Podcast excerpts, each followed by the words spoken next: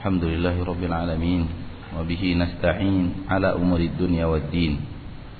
أشهد أن لا إله إلا الله وحده لا شريك له وأشهد أن محمدا عبده ورسوله صلى الله عليه وعلى آله وأصحابه ومن تبعهم بإحسان إلى يوم الدين وسلم تسليما كثيرا أما بعد. di antara ayat yang dibaca oleh imam adalah firman Allah tabaraka wa taala A'udzu billahi minasyaitonir rajim شهر رمضان الذي أنزل فيه القرآن هدى للناس bulan Ramadan yang pada bulan Ramadan tersebut diturunkannya Al-Quran sebagai petunjuk bagi manusia. Inilah lafaz bahwa Al-Quran adalah sebagai petunjuk bagi manusia. Dan lafaz ini akhirnya tidak bermanfaat dalam kehidupan seorang insan apabila perintah-perintah Al-Quran tidak dia jalankan larangan-larangan Al-Quran malah itulah hobinya. Maka tidak akan bermanfaat untuknya firman Allah tabaraka wa taala syahrul ramadan alladhi unzila fihi al-Quran hudan linnas. Inilah bahagian daripada apa yang kita utarakan tadi bahwasanya Kalimat la ilaha, la ilaha illallah tidak semata-mata lafaz. Walaupun lafaz juga diinginkan. Karena tidak boleh orang yang meyakini maknanya tapi lisannya tidak mau melafazkan la ilaha illallah. Dan orang seperti ini contoh yang paling pas untuk dia adalah adalah Abu Talib. Contoh yang paling pas untuk dia adalah Abu Talib. Abu Talib meyakini kebenaran dakwah keponakannya Muhammad sallallahu alaihi wasallam meyakini. Akan tetapi hatinya yang telah meyakini itu kemudian tidak diucapkan dengan lidahnya. Tidak diucapkan oleh lidahnya. Pun tidak bermanfaat Maka sesungguhnya iman adalah keyakinan di hati dilafazkan dengan lisan, diamalkan dengan anggota badan. La ilaha illallah diyakini maknanya dengan hati, dilafazkan kalimatnya dengan lisan, diamalkan makna dan tuntutannya dengan anggota badan. Apabila ada salah satu yang terlanggar dari tiga rukun la ilaha illallah dan secara umum tiga rukun iman ini maka batal makna la ilaha illallah. Orang yang mengucapkannya dan mengamalkan dengan anggota tubuhnya namun hatinya tidak yakin ini orang munafik. Ini orang orang yang meyakini dengan hatinya mengamalkan dengan anggota tubuhnya Inilah contoh Abu Talib dan yang semisal dengannya. Harta Abu Talib bahkan dijadikan sebagai pendukung dakwah Islam. Dan kekuasaan Abu Talib sebagai tameng untuk Rasulullah Sallallahu Alaihi Wasallam. Hatinya pun meyakini, lisannya tidak mau mengucapkan. Dan orang yang telah meyakini makna la ilaha illallah dengan hati telah mengucapkan dengan lisan. Tapi pekerjaannya bertolak belakang dengan apa yang dia yakinan dia dan dia ucapkan. Itulah yang kita bahas pada hari ini. Orang-orang muslim yang telah masuk ke dalam agama Islam dengan mengucapkan la ilaha illallah dengan memahami artinya namun anggota badannya tidak mengamalkan makna daripada la ilaha illallah itu. Inilah kelompok yang ketiga. Dan ke mereka semuanya tidak terhitung umat Islam di sisi Allah tabaraka wa taala. walau terhitung umat Islam di dalam perhitungan manusia. Bahkan mungkin naudzubillah semoga tidak tinggal dalam hidup kita bahkan mungkin bukan Islam walaupun dia bergelar ustaz. Ketika Allah tahu dia melakukan kesyirikan. Bahkan mungkin tidak muslim walaupun dia bergelar kiai haji. Karena Allah tahu dia tidak menjalankan makna la ilaha illallah. Hanya Allah yang tahu, kita tidak tahu. Oleh karena itu, hendaklah kita mawas diri terhadap perbuatan syirik yang bisa membatalkan makna dan tuntutan daripada la ilaha illallah. Pertanyaan pertama. Dan sebelum pertanyaan, saya ingin memberikan sebuah pengumuman. Insya Allah kalau tidak ada halangan Setiap hari Ahad malam setelah Isya Dan setiap hari Senin malam setelah Isya Itu kajian langsung dari Madinah Bersama Syekh Abdul Razak Al-Badar akan dileskan di radio kita Ya. Insya Allah kalau tidak ada halangan terhitung hari Ahad besok dua kali dalam sepekan Ahad dan Senin setiap Ba'da Isya. Kajian langsung dari Madinah bersama Syekh Abdul Razak penterjemah Ustadz Firanda.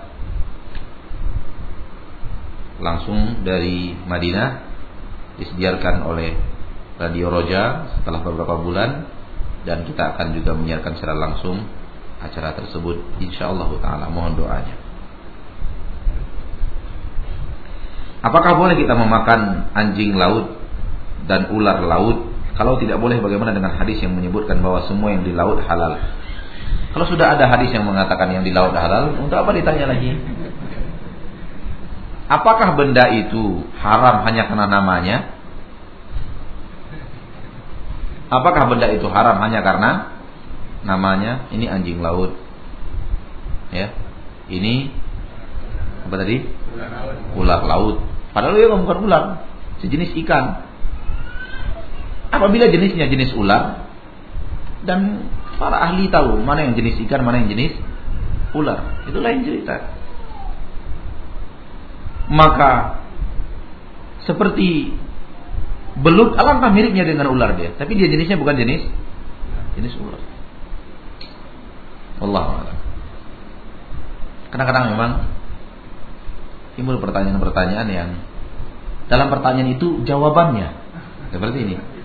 Di dalam pertanyaan itu jawabannya. Nabi mengatakan al-ma'u tahu uh, al-bahru tahurun ma'uhu hillun maitatuhu. Laut itu suci airnya, halal mayatnya. Selesai.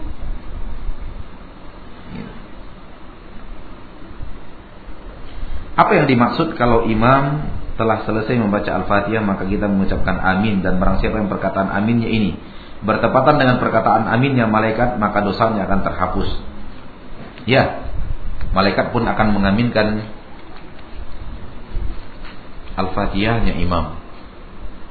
Malaikat pun akan mengaminkan Al-Fatihah imam. Seandainya aminnya makmum seiring pengucapannya dan seiring akhirnya dengan ucapan malaikat Allah berikan fadilah Allah ampunkan dosa-dosanya.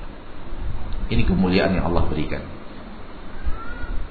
Dalam surat Hud Allah berfirman wa kana arsyu 'alal ma' Ustaz tolong jelaskan apa yang dimaksud dengan ayat di atas dan ceritakan tentang ayat tersebut wa kana arsyu 'alal ma' adalah arasnya Allah di atas air adalah arasnya Allah di atas air kita tahu Allah yang kita ibadati tidak berada di mana-mana. Tapi Allah yang kita ibadati ada di atas arash. Dan Allah tidak butuh arash. Yang membuat orang merasa Allah butuh arash adalah dia memikirkan Allah itu bagaikan raja. Arash artinya singgah sana. Allah memiliki arash singgah sana. Ketika makhluk memikirkan, kok Allah itu kayak raja ya, ada singgah sana? Beda. Allah adalah Allah, raja adalah raja. Raja butuh singgah sana untuk duduk di atasnya. bermegah-megah dengannya sehingga dia bangun singgasananya indah luar biasa, mahal luar biasa karena dia kemuliaannya dengan arasnya. Sementara Allah tidak seperti itu. Hilangkan daripada kita pemahaman Allah bagaikan makhluk. Seluruh gambaran-gambaran makhluk jangan pernah gambarkan itu untuk Allah tabaraka wa taala. Ketika Allah menyatakan Allah punya wajah, ketika Allah menyatakan Allah punya tangan, ketika Allah menyatakan Allah Subhanahu wa taala punya betis, ketika Allah Subhanahu wa Rasulullah menyatakan Allah punya jari jemari.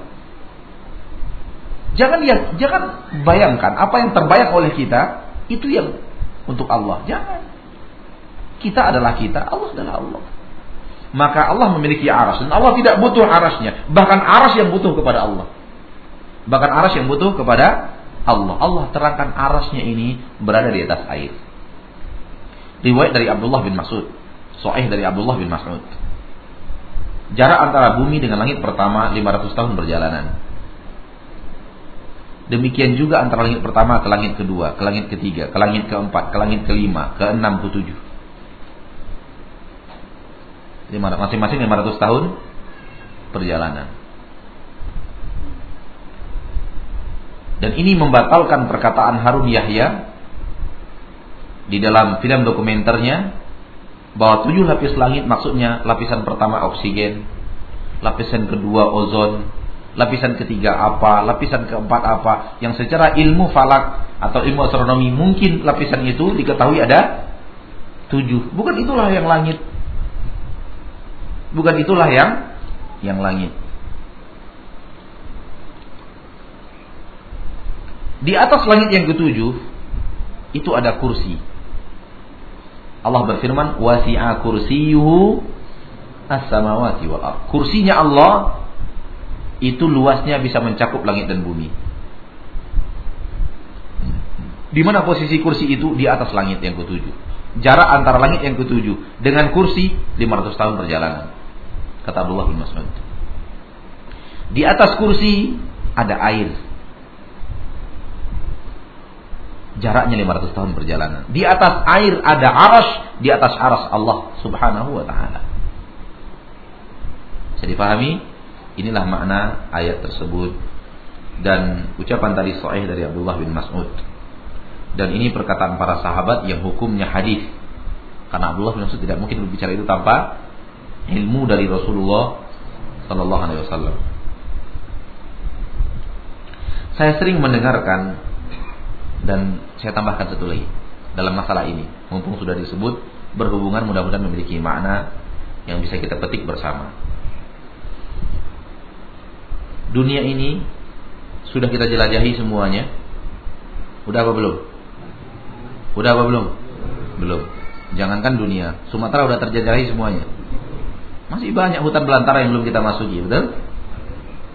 Pekan baru aja belum. Tangkerang aja belum semuanya. Masih banyak yang belum kita tempuh. Bapak ke belakang itu belum pernah, saya udah pernah. Saya udah pernah. Nah, ini dunia. Dunia itu besar sekali, besar menurut kita besar. Rasulullah SAW bersabda, besarnya dunia ini dibandingkan dengan besarnya langit hanya bagikan sebuah lempengan logam di padang pasir. Padahal dunia ini dua pertiganya air. Yang daratnya saja belum kita tempuh. Langit dibanding kursi seperti itu pula. Jadi bumi dibanding langit, yang langit adalah padang pasir yang luas. Langit dibandingkan kursi Allah besarnya seperti itu pula. Langit bagikan lempengan logam di padang pasir. Dan padang pasirnya adalah apa? Kursi. Dan kursi kepada aras seperti itu pula. Maka makhluk yang paling besar adalah aras. Dan Allah lebih besar daripada aras. Allahu Akbar.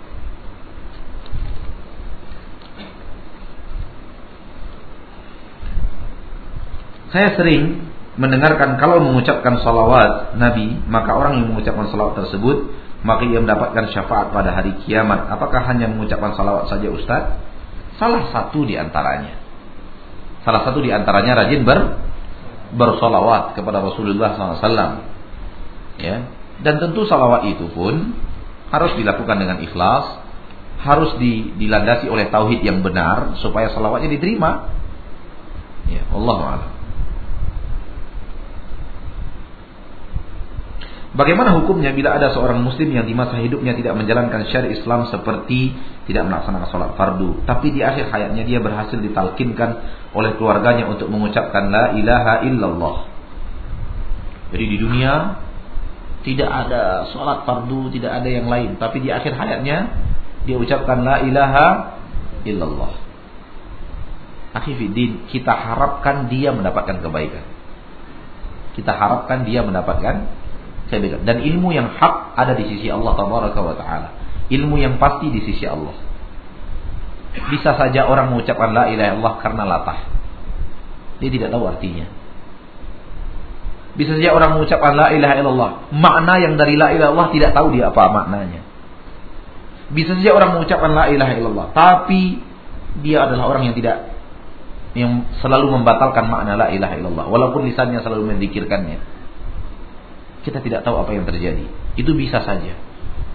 Namun kita tidak tahu bagaimana sesungguhnya yang terjadi. Serahkan ilmunya kepada Allah dan kita berharap untuknya kebaikan. La ilaha illallah betul-betul taubatnya di akhir hayatnya. Bisakah orang taubat di akhir hayat? Bisa. Kita tidak tahu. Serahkan kepada Allah Subhanahu wa taala. Dan kita berharap kebaikan untuknya. Karena akhir daripada kalimat terakhir dunianya adalah la ilaha illallah. Apa saja yang disunahkan dalam peresmian usaha dan toko yang sesuai dengan syariat Islam Ustaz? Tidak ada syariat Islam pernah mengatur peresmian-peresmian apa pun. Kecuali peresmian pernikahan. Rasulullah SAW bersabda, A'linun nikah. Iklankan nikah. Jadi nikah diiklankan. Saya sudah menikah. Dengan cara apa? Walimah. Jadi walimah itu iklan bahwa saya telah menikah. Jadi tidak ada a'linul mahallat. Iklankan kamu buka toko itu enggak ada. Ya, enggak ada. Iklankan kamu sudah buka rumah sakit itu enggak ada. Itu dunia. Tidak ada. Tidak ada sunnah apa pun di situ. Allah. Kalau ataupun kita melakukannya duniawi. Asal tidak ada yang melanggar syariat, maka sifatnya adalah dunia mubah.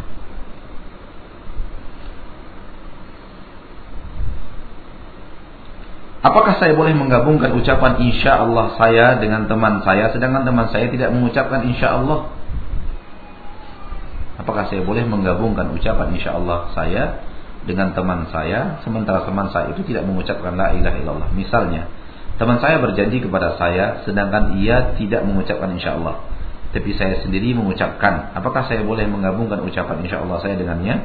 Supaya apabila ia tidak menepati, dia tidak berdosa. Loh bukan kita yang harus mengucapkan insya Allah kalau kita tidak berjanji.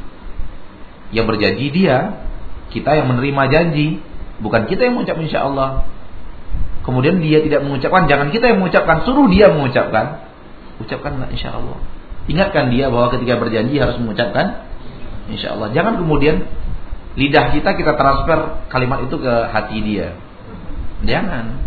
Amal kita, amalan kita, amalan dia, amalan dia. Ketika dia tidak ingat, ingatkan. Ketika dia tidak ingat mengucapkan insya Allah, ingat. Kul insya Allah. Katakan insya Allah saudaraku. Karena kita tidak pasti apa yang terjadi besok. Allah Allah. Saya tinggal di masjid lebih kurang tiga tahun lamanya. Seiring perjalanan waktu saya mengenal sunnah dan berusaha untuk istiqomah di dalamnya. Tapi baru-baru ini saya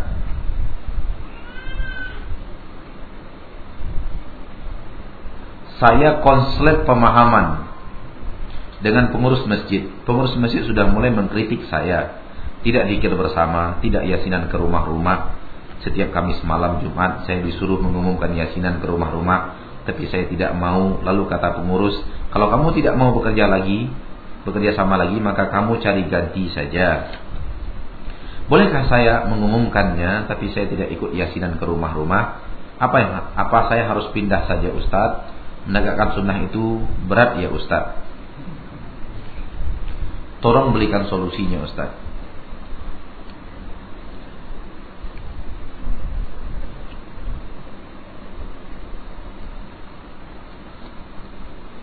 Menegakkan sunnah berat di awal. Tekankan itu. Menegakkan sunnah memang berat. Tapi beratnya di awal. Allah sengaja menjadikan itu di awal berat. Allah ingin melihat siapa yang ikhlas, siapa yang tidak ikhlas. Siapa yang berharap ridho Allah, siapa yang tidak tahan untuk mengharapkan ridho Allah, akhirnya harus luntur kembali menghasilkan ridho manusia. Istiqomah berat, tapi di awal. Ketika kita lulus tes di awal, istiqomah itu nikmat. Sunnah itu nikmat. Dan akan membuat kita tenang. Maka hati-hati. Ketika kita ingin istiqamah di atas sunnah, rintangannya adalah manusia. Ketika kita tetap istiqamah, berarti kita mendahulukan ridho Allah di atas ridho manusia. Tetapi kalau yang terjadi sebaliknya, kita mau istiqamah meraih ridho Allah, ternyata tidak diridhoi pengurus masjid. Akhirnya kita luntur istiqamah. Berarti ridho pengurus masjid lebih daripada ridho kepada Allah. Hati-hati. Di sini bahayanya datang. Adapun solusinya, maaf kalau saya lancang, kalau hanya sekedar uang gaji dari mengurus masjid, masih bisa dicari dengan jalan lain. Betul atau tidak? Ya. Kalau memang hanya itu solusi, hanya itu problemanya, masih bisa dicari dengan jalan lain. Maka bersabarlah sebentar di sana, dengan menasihati. Kalau memang rasanya tidak kuat untuk menasihati, mulailah berpikir untuk mencari usaha lain. Untuk mencari jalan lain. Ketika kita serius, Allah akan tunjukkan jalan biidnillahi azza wa Ustaz boleh atau tidak? Misalnya kita ingin lewat di depan orang dan kita mengulurkan tangan dan membungkuk. Sebutkan hadis dan dalilnya dan mohon dijelaskan. Nilai ujian apa?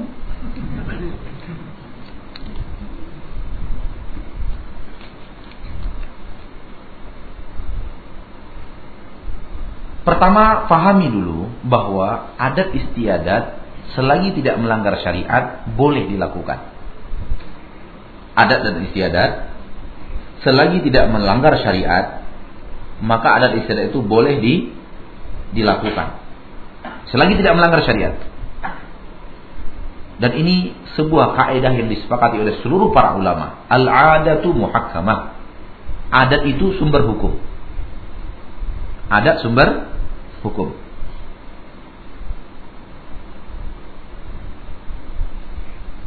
Maka ketika di negeri kita aib seorang istri memanggil nama ke suaminya, berlakulah hukum aib itu dan istri akan tercela kalau panggil nama saja sama suaminya karena adat seperti itu. Sementara hal itu tidak berlaku di Arab. Karena di Arab satu hal yang biasa dan tidak aib di mata mereka bahwa suami istri manggil nama ke suaminya. Satu hal yang biasa. Di Arab, aib di Arab, laki-laki memegang bokong laki-laki. Sementara itu di kita tidak tidak aib, kita tepuk pokong tang. Dari mana aja? Biasa. Tapi kalau itu dilakukan di Arab, jangan coba-coba bisa kelahi. Aib di sana tidak aib di sini. Di sini aib pegang kepala orang. Aib. Di sana enggak. Malah penghormatan pegang kepala cium, pegang. Tidak aib. Adat muhakkamah. Adat sumber hukum. Selagi tidak bertentangan dengan syariat, maka itu dijalankan. Kecuali kalau sudah bertentangan dengan syariat. Pertanyaan ini adalah, mari kita lihat, apakah menjulurkan tangan terus membungkuk seperti itu lewat di depan orang adalah bertentangan dengan syariat atau tidak? Di situ permasalahannya terjadi. Maka jawaban kita insya Allah adalah yang kita yakini kalau bungkuknya sedikit, tidak menyamai ruku, tidak apa-apa. Tapi kalau bungkuknya sudah seperti orang ruku, bahkan lebih daripada ruku jangan. Karena itu penghormatan yang berlebihan kepada manusia. Termasuk anak-anak kita yang latihan kempo dan semacamnya. Lalu ruku kepada pelatih. Kebiasaan tapi sudah melanggar ketentuan syariat. Ruku dan sujud itu untuk Allah tabaraka wa taala. Seperti adat sebagian saudara kita di negeri seberang seberang pulau. Sungkeman. Sedikit saja lagi tinggal ruku, sujud dia sudah. Bahkan sampai ada yang sujud di kaki orang tuanya. Itu haram dilakukan kepada manusia. Ini kan adat, betul, tapi sudah bertentangan dengan syariat Islam. Begitu. Jadi hukum asalnya adalah adat itu hukum dengan ketentuan dia tidak melanggar syariat Islam. Maka berjalan di depan orang tadi adalah suatu hal yang baik kita minta izin, ada gerakan, tapi jangan kemudian harus sampai ruku pula lewatnya gitu. Jangan. Turun sedikit tangan kita dan ada orang sok sunnah. Sengaja ada orang-orang mulia di depannya dia lewat malah dadanya dibusungkan. Tujuannya adalah saya tidak mau ruku dan tidak sujud kepada manusia, tapi dia terkena yang lain. Terkena adab kurang ajar. Hati-hati. Kadang-kadang syaitan menyuruh kita menjadi pahlawan, padahal yang kita lakukan itu bukan pahlawan. Kadang-kadang syaitan menyuruh kita menjadi menjadi orang yang betul-betul istiqomah di atas sunnah, padahal sudah berlebihan masuk ke dalam hulu berlebihan, masuk dalam tanattu'. Tanattu' itu sama dengan hulu artinya, berlebihan dalam beragama. Rasulullah bersabda, halakal mutanatti'un. Halakal mutanatti'un, halakal mutanatti'un. Hancur orang dalam beragama berlebihan. Hancur orang yang beragamanya berlebihan. Hancur orang yang beragamanya berlebihan. Berlebihan maksudnya berlebihan dalam takaran agama Islam. Jadi Nggak boleh orang orang orang muda di depannya ada orang-orang hormat, dia memusungkan dada pula berjalan. Walaupun di dalam niatnya adalah tidak mau seperti itu. Tidakkah kita bisa mencari solusi yang lebih aman? Turun badan sedikit atau permisi Pak ngomong gini kan tangan tangan gini kan ada masalah kan? Kenapa tidak? Kenapa harus membusungkan dada jalannya? Begitu. Wallah. Apakah melamar sebuah pekerjaan dengan jabatan tertentu mengajukan lamaran tersebut termasuk dalam istilah meminta jabatan misalnya menjalani suatu ujian untuk dapat dipromosikan di jabatan tertentu seandainya jabatan itu adalah di pemerintahan ya seandainya jabatan itu adalah di pemerintahan ya karena itu yang terlarang sebenarnya. Tapi kalau jabatan itu di perusahaan, ya, di sebuah lembaga swasta atau di sebuah sekolah yang bukan mengurus rakyat dalam arti kata rakyat kepemimpinan yang, yang kita maksud. Jadi yang tidak boleh diminta-minta itu adalah yang tadi. Allah alam. Adakah batasan-batasan terbaik berbaik sangka? Adakah batasan-batasan berbaik sangka terhadap seorang muslim Bagaimana apabila pekerjaan orang tersebut adalah seorang pemelihara atau seorang pemerintah atau penyidik di kepolisian yang menuntut untuk mencurigai dan membutuhkan kecurigaan segala sesuatu letakkan pada tempatnya. Kalau orang penyelidik disuruh berbaik sangka terus nggak selesai penyelidikan. Ya kan letakkan pada tempatnya letakkan pada tempatnya. Kalau sudah penyelidik, ya tugasnya mencari detail. Bahkan mencari pertanyaan-pertanyaan itu di di diacak, di, diulang-ulang supaya melihat kejujuran seseorang. Itu penyelidikan. Ya. Maka ini bukan bukan jalur itu. Tapi jalur bersangka, berbaik sangka secara umum ya. Secara umum kepada kaum muslimin dan yang lainnya tidak dalam tugas-tugas seperti ini, maka harus berbaik sangka. Pertama di dalam agama Islam, jangan cari kesalahan. Pertama itu dulu. Kedua, apabila nampak kesalahan itu, padahal kita tidak ingin nampak kesalahan dari saudara kita, tapi nampak dia membuat kesalahan. Terjadi dia melakukan kesalahan kepada kita, padahal kita tidak ingin melihatnya dan dan merasakannya. Buat cari uzur untuk dirinya. Mungkin dia begini, mungkin dia begitu, mungkin begini. La tadhunnanna bi akhika su'an wa anta tajidalahu mahmala. Kalau tidak khilaf kalimat, kalimat ini dari Umar bin Khattab radhiyallahu taala an.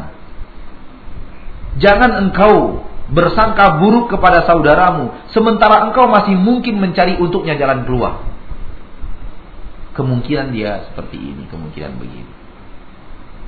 Begitu. Dalam riwayat lain, perkataan para ulama, apabila saudaramu bersalah, carikan untuknya 70 uzur. 70 uzur, enggak sedikit itu. Mungkin begini, mungkin begini, mungkin begini. Tidak seperti yang dibisikkan syaitan kepada kita. Dia begitu. Ngapain dia begitu? Pasti maksudnya nyinggir kita. Tuh. Salah. Kok dia begitu ya? Kok dia nggak negur ya? Kok lewat depan kita nggak bunyikan klakson? Ada apa ya orang ini? Kenapa dia marah? Enggak, ilah Allah. Cuman nggak bunyikan klakson, mungkin dia nggak lihat anda ada di situ. Ini syaitan. Syaitan membuai agar kemudian terjadi syahna hati yang tidak baik. Kok kalau dia libur nggak datang ke rumah saya ya? Ada apa dia ini? Kenapa dia benci sama saya? Mungkin dia sibuk. Mungkin dia punya urusan yang lebih penting.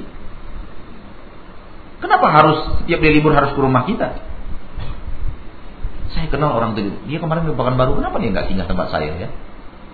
Ada apa? Apa? Emang saya ini dipandang apa sih? Nah, lihat. Ini nggak benar. Ini bisikan syaitan. Nggak boleh seperti itu. Carikan untuknya utur. Itulah husnuzon. Apa kita aman? Pertama, yang saya katakan sebelum husnuzon, yang pertama, jangan suka mendengar kesalahan orang. Ini na'udzubillah ya. Dan kita harus menasihati diri kita sendiri dan rekan kawan kita. Kadang-kadang sudah berbicara masalah rumah tangga orang, senang duduk di situ. Senang duduk di situ. Kalau sudah bicara aib orang, itu majlis itu enjoy dua jam. Enggak boleh. Enggak benar. Harus ada di antara kita ketika pembicaraan sudah mengarah kepada pembicaraan orang harus ada yang mengingatkan ini nggak boleh akhi ini nggak boleh saudaraku. Di dalam Al-Quran dilarang. Jangan dilanjutkan. Atau ambil jalan tengah. Saya nggak mau ucapkan tapi enak dengarnya. Tapi saya jaga mulut. Nggak boleh. Walau mendengar. Duduk bersama. Majelisnya pembuat dosa. Walaupun tidak berbuat yang sama adalah dosa fa imma yunsiyannaka syaitanu fala taq'ud ba'da dzikra ma'al qaumil zalimin. Kalau memang suatu saat setan membuat Anda lupa bahwa itu maksiat, jangan lagi duduk bersama orang zalim ketika kamu sudah ingat itu maksiat. Berarti duduknya kita bersama orang berbuat zalim adalah kezaliman dan dosa. Walau kita tidak berbuat, hanya duduk saja. Itu ayat Al-Qur'an Al-Karim. Dalam hal makanan, bagaimanakah kaedah yang gampang biar kita di satu sisi bersifat wara dan sisi yang lain tidak mempersulit diri? Di mana kondisi sekarang banyak makanan yang syubhat. Bisa dijelaskan kembali hadis Aisyah tadi? Syubhat kenapa? Kalau syubhatnya karena kabar burung, syubhatnya karena kabar burung, maka kabar burung tidak boleh dijadikan hukum sumber hukum. Apa contoh? Contohnya jangan makan di situ. Mereka sembelihnya nggak pakai nama Allah. Kita tidak tahu persis hanya kabar burung beredar. Bukan bahagian daripada wara meninggalkan makan itu sementara tidak pasti mereka baca bismillah, mereka meninggalkan bismillah. Bukan bahagian daripada wara hukum tidak boleh berganti sampai datang keyakinan yang jelas bahwa telah terjadi penyelewengan syariat. Di sini ada kaidah juga. Al yaqinu la yazulu bisyakki. Keyakinan tidak boleh dihapuskan karena keraguan. Yakin boleh dihapus dengan yakin. Tapi yakin dengan ragu tidak. Ini muslim saya yakin dia muslim. Dia menyembelih. Tapi saya ragu, dia baca bismillah apa enggak nih. Enggak boleh keraguan itu menghilangkan yakin bahwa dia muslim. Kalau dia muslim lebih yakin, maka dia baca bismillah karena dia mus muslim. Sampai kita benar-benar tahu dan menyaksikan dan paham betul bahwa mereka memang sengaja untuk tidak tidak boleh baca basmalah atau mereka langsung masukkan ke dalam alat hidup-hidup kemudian sudah alat yang memainkan perannya. Sampai kita yakin kepada titik itu baru kemudian kita tinggalkan itu. Jadi hati-hati. Kalau hanya sekedar kabar burung, maka kabar burung adalah kabar syak. Kabar yang tidak pasti. Di dalamnya ada keraguan-raguan. Kecuali yang menerangkan kepada kita itu manajer perusahaan itu, perusahaan makanan itu misalnya. Dia yang menerangkan kepada kita. Dan kita tahu akan kejujurannya. Ya sudah, tinggalkan. Sudah sampai kita kepada titik yakin bahwa masalah ini tidak benar lagi. Contoh, abon yang dijual atas nama merek itu, itu nggak pernah baca bismillah. Itu langsung dimasukkan saja langsung sama kulit-kulitnya langsung jadi abon.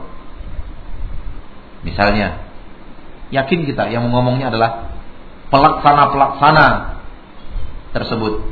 Kalau tidak yakin, tidak ada informasi yang jelas, dia daging sapi, baca bismillah makan, selesai. Wallahu a'lam.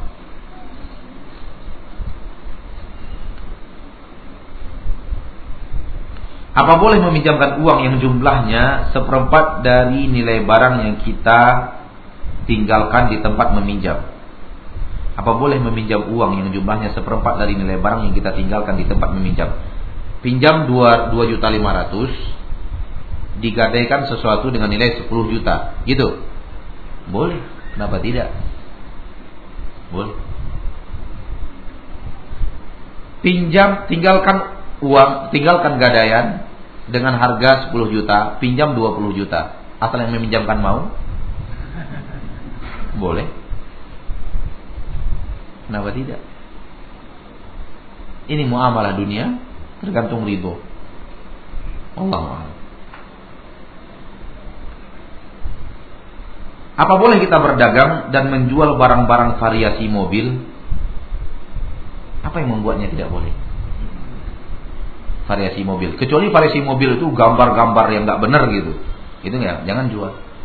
Tapi kalau variasinya adalah tangganya, lampu-lampunya, kemudian sayap belakangnya, kemudian bumper depannya, kemudian talang airnya, kemudian di atasnya, kemudian tempat atasnya, apa yang membuatnya haram? Tidak ada. Wallahu a'lam. Ya tip mobil. Kalau di sini variasi, kalau variasi lebih kepada umum, lebih kepada kepada umum. Adapun kalau kalau tip tip mobil, maka hukum asal barang itu boleh.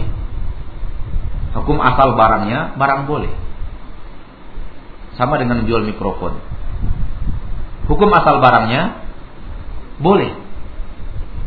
Tergantung siapa yang menggunakan.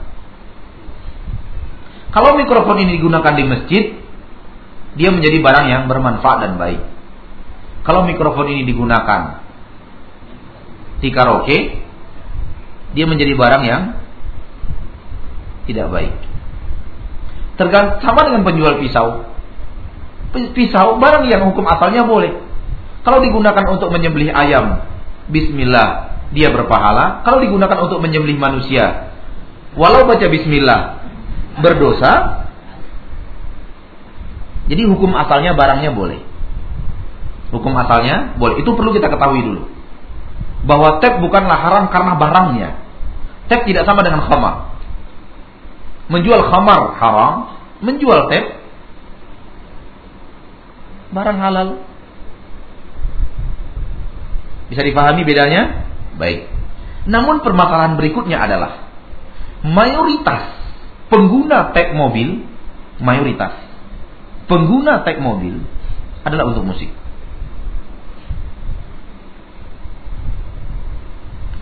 Maka dalam masalah ini bab warok datang. Bab warok datang. Apabila orang yang kita lihat, ah ini penggemar musik ini, jangan jual tag sama dia.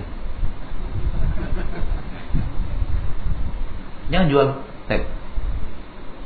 Ini kayak kayaknya ini penggemar itu. Apalagi kalau di kalau di di depan bajunya sudah ada gambar-gambar artis misalnya, atau mobilnya sudah audionya sudah besar, sudah di belakang di belakang bagian belakang itu, di kursi belakang sudah habis audio semuanya. Semuanya speaker nggak ada yang pengajian gitu-gituan. Iya kan? Ini sudah mencurigakan ini. Jangan jual teh. Pak, ini dia ini. Tempat lain mungkin ada, Pak. Warak. Di sini pintu warak datang. Allah a'lam. Adapun variasi secara umum halal. Allah. Bagaimana kalau jumlah zikir yang sudah ditentukan jumlahnya pada saat zikir kita lupa jumlahnya? Lalu kita tambah saja jumlahnya sehingga cukup. Tadi katanya lupa. Kok bisa sampai cukup? Diulang lagi ada masalah. Diulang lagi. Atau yang kita ambil angka yakin. Tadi rasanya sudah 33, tapi yang berikutnya lupa. Diulang lagi yang ke nomor 34. Insya Allah tidak apa-apa. Allah Bagaimana cara mengendalikan marah dan amalan apa yang harus dilakukan? Gampang mengendalikan marah. Dengan cara jangan marah.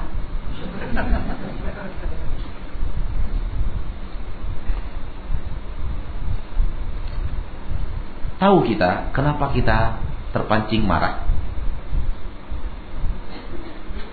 Karena keriboan kita terhadap takdir Allah belum matang. Kita nggak ridho dengan takdir Allah yang berlaku. Makanya kita marah. Kita nggak terima. Gelas pecah. Guci pecah. Baru beli.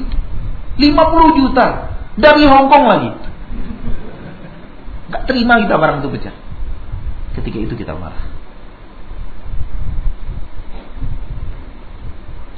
Maka marahnya manusia dalam hal dunia tepiskan syariat. Syariat hukumnya berbeda itu karena dia tidak terima Allah telah mentakdirkan di dalam lauhul mahfuz hal itu terjadi.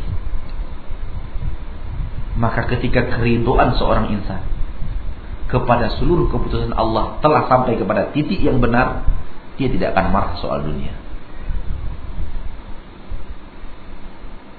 Maka yang harus dihasilkan untuk mengedam marah, meredam marah, perdalam ilmu tentang qada dan qadar perdalam perkuat amalan tentang keridoan kita terhadap seluruh yang diputuskan Allah. Hari hari ini Allah putuskan Na'udzubillah semoga tidak terjadi yang pinjam mobil kita tabrakan. Walaupun kita marah puncaknya sampai ke langit yang ketujuh yang namanya mobil nggak bisa bagus lagi. Betul tidak? Marah kita, emosi kita, kita tinju kawan kita, patah rahangnya. Apakah mobil kita baik lagi? Dua jadi kenanya kita. Sudah memperbaiki mobil, memperbaiki rahang kawan lagi. Tuh, lihat. Berkata Anas bin Malik. Sepuluh tahun saya membantu di rumah tangga Rasul Sallallahu Alaihi Wasallam. Tidak pernah saya melihat Rasul itu marah. Seandainya saya dimarahi oleh salah seorang yang ada, Rasulullah menasihatinya dengan mengatakan, "Innahu law qaddara syai'un kana." Sesungguhnya kalau Allah telah takdirkan sesuatu, pasti terjadi. Enggak bisa dihalang-halangi. Kalau kejadian sudah terjadi, itu Allah mentakdirkannya. Walaupun karena kelalaian manusia, tapi yakini bahwa Allah yang mentakdirkannya. Karena ada juga manusia lalai tapi tidak terjadi, betul tidak? Ada orang main SMS tabrakan, ada juga orang main SMS ngebut nggak tabrakan.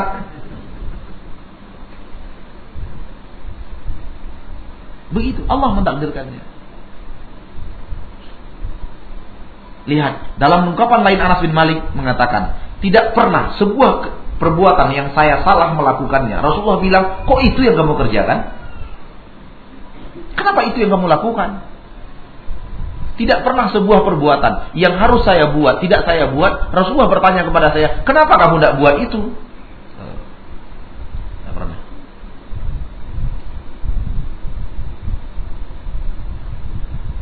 Berkata Anas bin Malik, Pernah Rasulullah menyuruh saya untuk pergi ke sebuah tempat. Saya mengatakan enggak, saya enggak mau pergi. Padahal di hati saya saya mau pergi. Tapi saya bantah. Anas bin Malik kecil bersama Rasul. Kecil bersama Rasul. Dibawa oleh ibunya Ummu Sulaim, gunakan dia untuk kebutuhan engkau wahai Rasul. Jadi kecil bukan orang besar. Orang besar mengucapkan itu nggak boleh kepada Rasul. Saya tidak mau pergi. Disuruh Rasulullah pergi sebuah tempat. Saya nggak mau kata Anas. Radhiyallahu anhu. Tapi di halam hati saya, saya saya mau. Maka saya pun pergi ke tempat itu. Kemudian saya bertemu dengan anak-anak. Oh namanya anak-anak, lihat anak-anak. Saya berdiri di situ. Sampai terasa Rasulullah sudah di belakang saya. Jadi ketika anak bin Malik nggak mau, Rasulullah yang pergi. Pembantu nggak mau, Rasulullah yang pergi. Coba lihat tuh. Dan dijadikan mainan oleh Rasulullah akhirnya. Diam-diam di belakang Rasulullah, di belakang Anas bin Malik. Ketika ketahuan dia juga mau pergi ke sana, kan jadi memori. Tidak marah. Gitu. Suatu hari Rasulullah SAW makan bersama dua orang istrinya, Hafsah dan Aisyah radhiyallahu anhumah. Tiba-tiba terjadi pembicaraan. Aisyah marah dan mengambil makanan dilumurkan di wajahnya Hafsah. Rasulullah nggak marah. Rasulullah menjadikan itu bahan lelucon.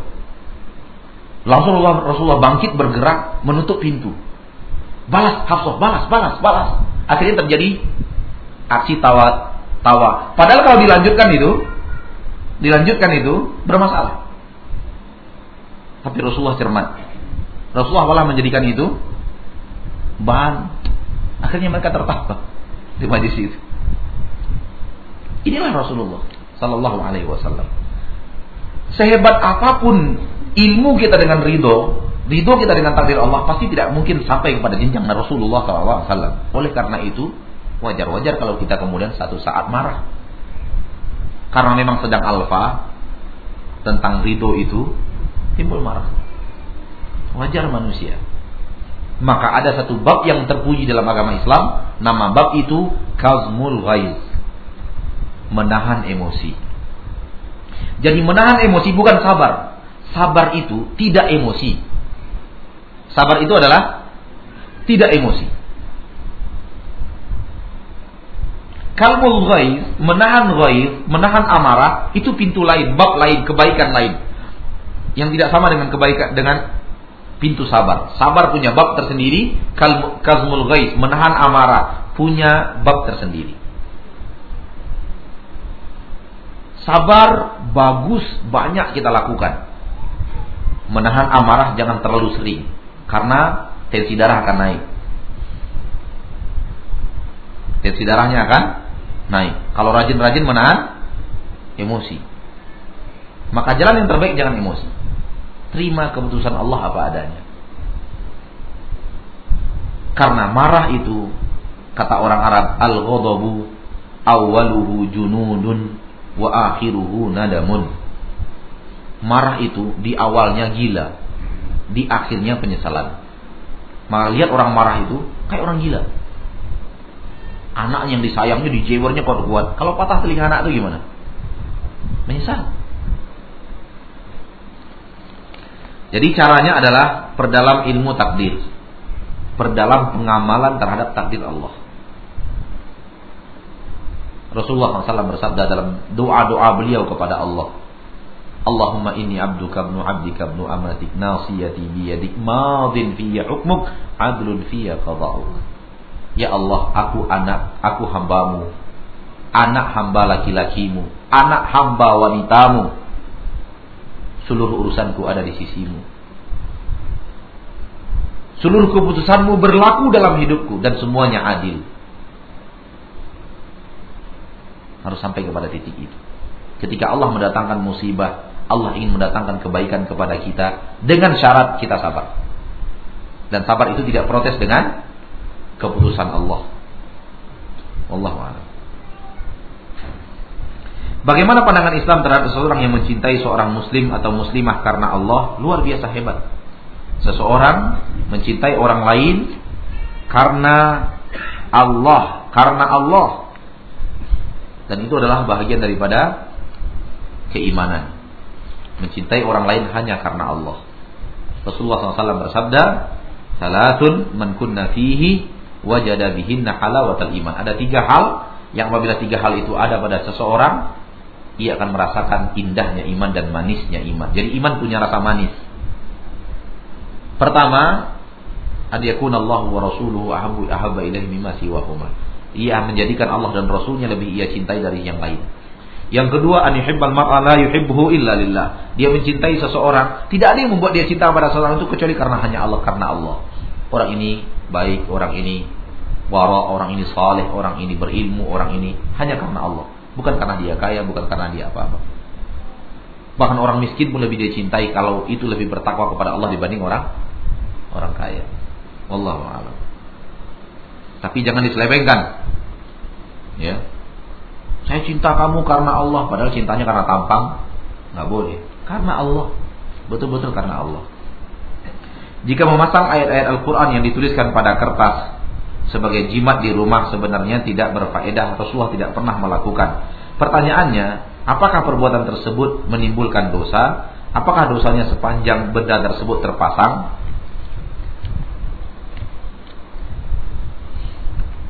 Apabila seseorang melakukan hal tersebut, maka dia telah melakukan hal yang tidak ada dalam agama Islam. Apabila dia tidak tahu, mudah-mudahan dia mendapatkan udur dengan ketidaktahuannya. Tapi kalau dia sudah diberitahu dan tidak mau melakukannya dia berdosa. Selagi barang itu terpajang di situ. Wallahu a'lam. Ustaz, apakah aras Allah ada malaikat-malaikat yang menopangnya dan sebutkan juga berapa malaikat yang menopangnya? Ada. Malaikat Allah itu dijaga, di, di, di, dipikul oleh malaikat. Dipikul oleh malaikat. Di dalam Al-Quran Allah berfirman, wa yahmilu arsya rabbika fawqahum yawma dan yang memikul aras Allah pada hari kiamat nanti adalah malaikat-malaikat yang jumlahnya delapan orang. Jadi lihat yang sebesar itu, gambaran yang telah kita gambarkan tadi dari hadis Nabi Muhammad, aras yang luar biasa, hanya dipikul oleh berapa orang malaikat? Delapan orang malaikat. Berarti kekuatan malaikat tenaganya luar biasa. Kenapa tidak? Bagaimana tidak luar biasa jumlah malaikat uh, yang lapan itu memikul arash? Rasulullah bersabda, "Udina li an atakallama fi hamalatil arash." Telah diizinkan untukku berbicara tentang hamalatul arash, malaikat pemikul arash. Ma baina syahmati udunai ila atiqihi masirati sab'imi'ati sana jarak antara lemak di telinganya ke pundaknya perjalanan 700 tahun.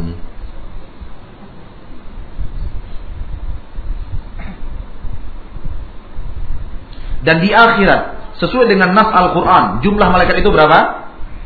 Delapan. Dan telah datang riwayat yang sahih kalau tidak khilaf di, di riwayat Imam Ahmad bahwa jumlah malaikat pemikul aras di dunia hanya empat orang.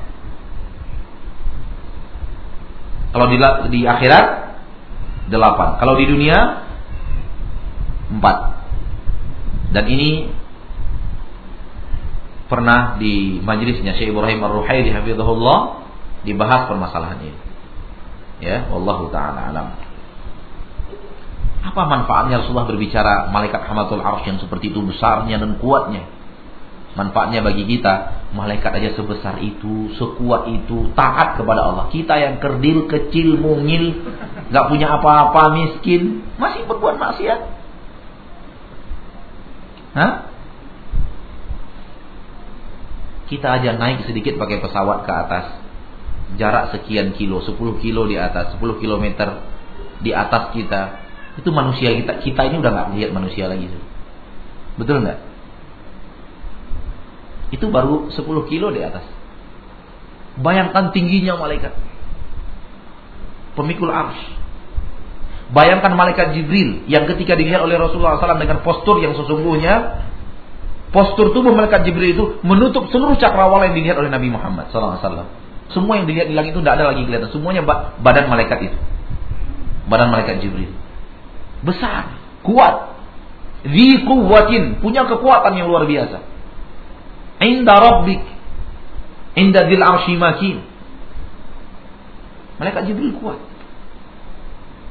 Postur tubuhnya luas, besar. Tapi patuh taat, tidak berani berbuat maksiat. Kita sudahlah mungil, kecil, kerdil, bakhil. Itu salah satu manfaat belajar ilmu tentang malaikat.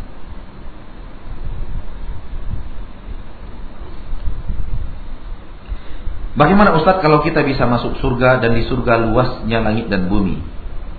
Yang saya tanyakan, apakah di surga itu diperuntukkan untuk seseorang satu atau untuk semua manusia yang luasnya seluas langit dan bumi?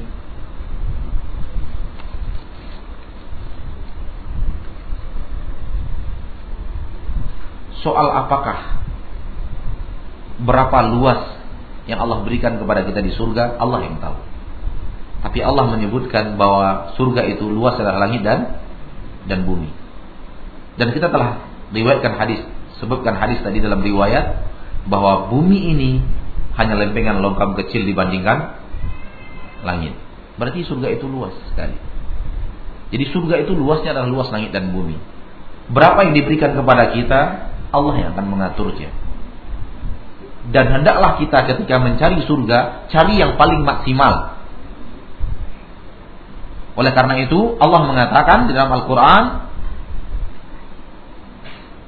wa hal atqa dan akan terhindar dari neraka alias masuk surga orang-orang yang paling bertakwa.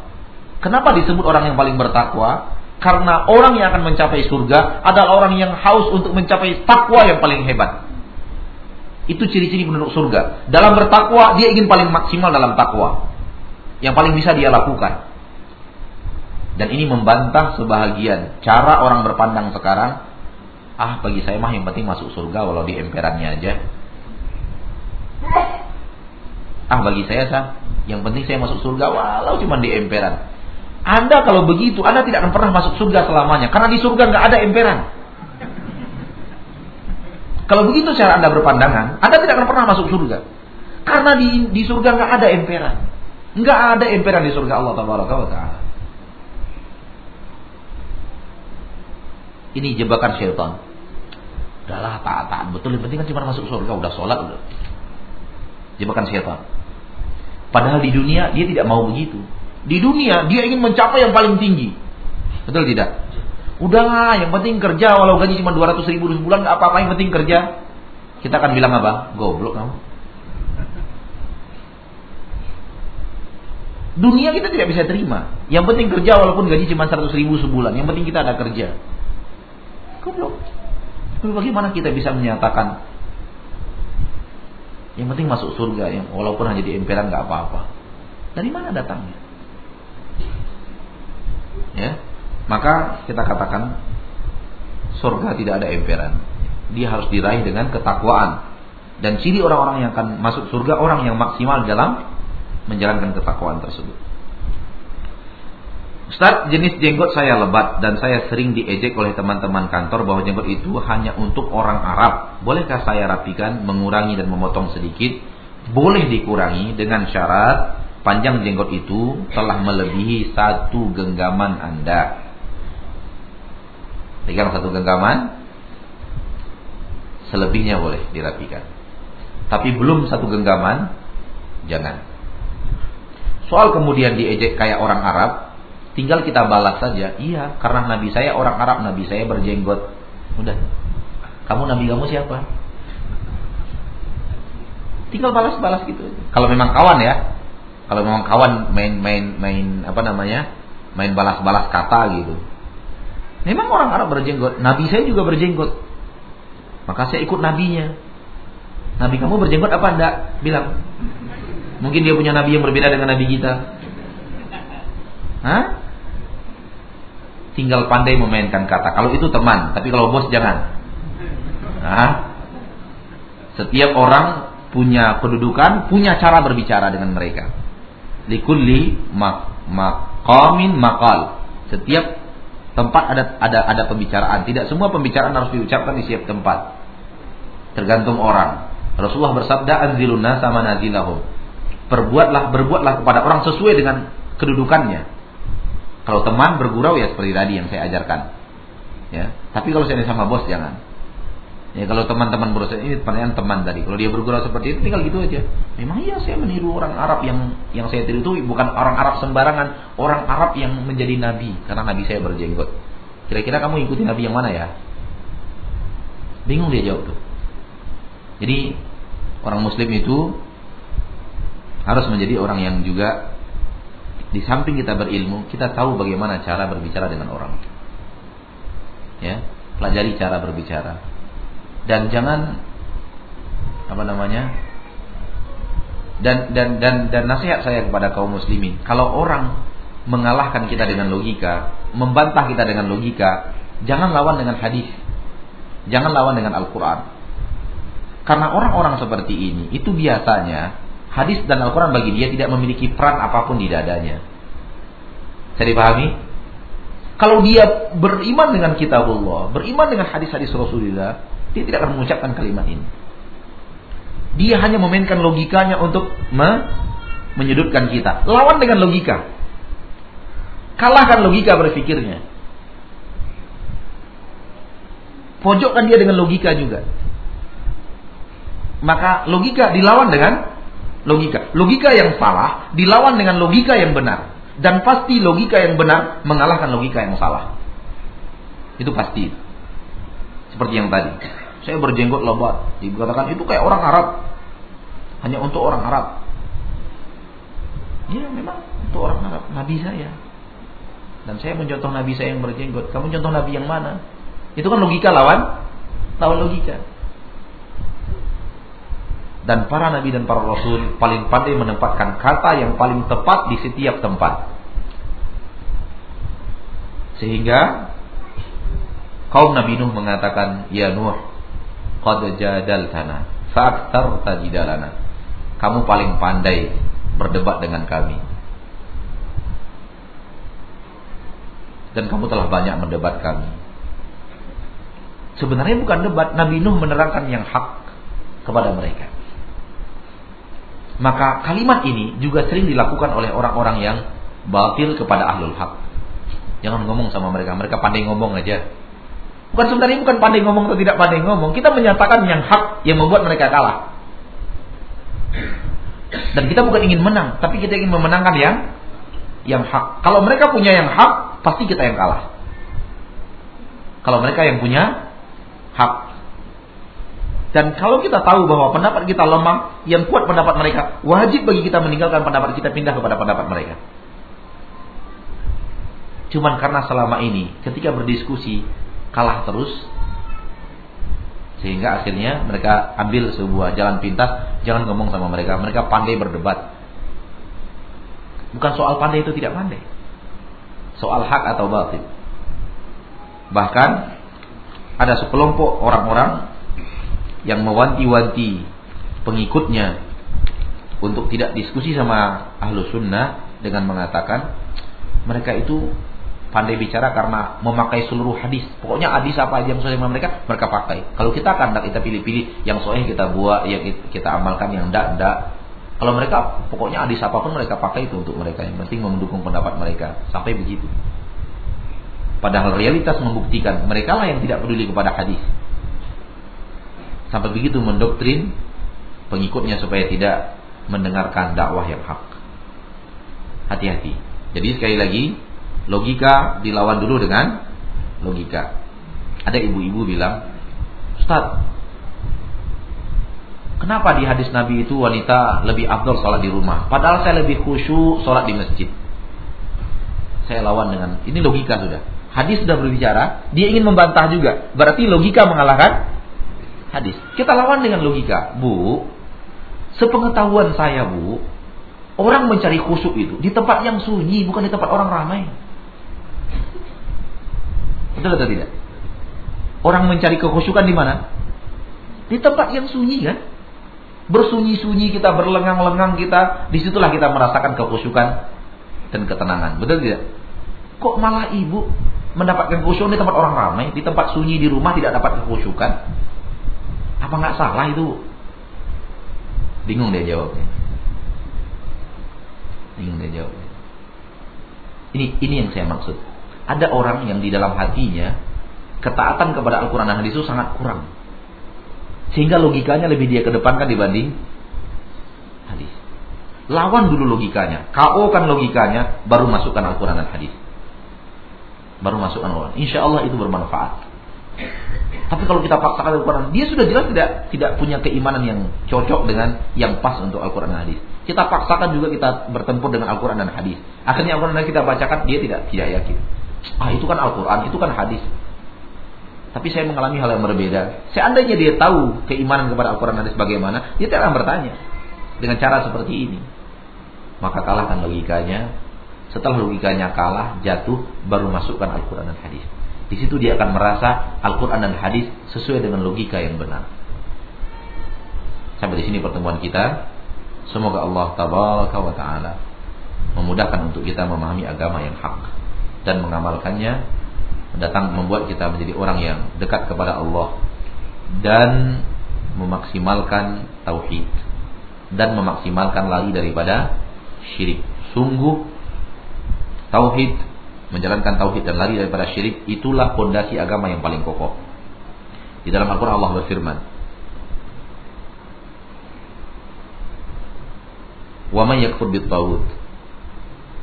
wa yu'min billah faqad istamsaka bil urwatil wuthqa. Barang siapa yang kufur dengan tauhid dan beriman kepada Allah, berarti yang pertama syirik, yang kedua tauhid. Faqad istamsaka bil urwatil wuthqa. Sungguh dia telah berpegang dengan tali yang paling kokoh. Maka tali yang paling kokoh itu adalah tauhid. Subhanakallahumma bihamdik asyhadu an la ilaha illa anta astaghfiruka wa atubu ilaik. Alamin. Assalamualaikum warahmatullahi wabarakatuh.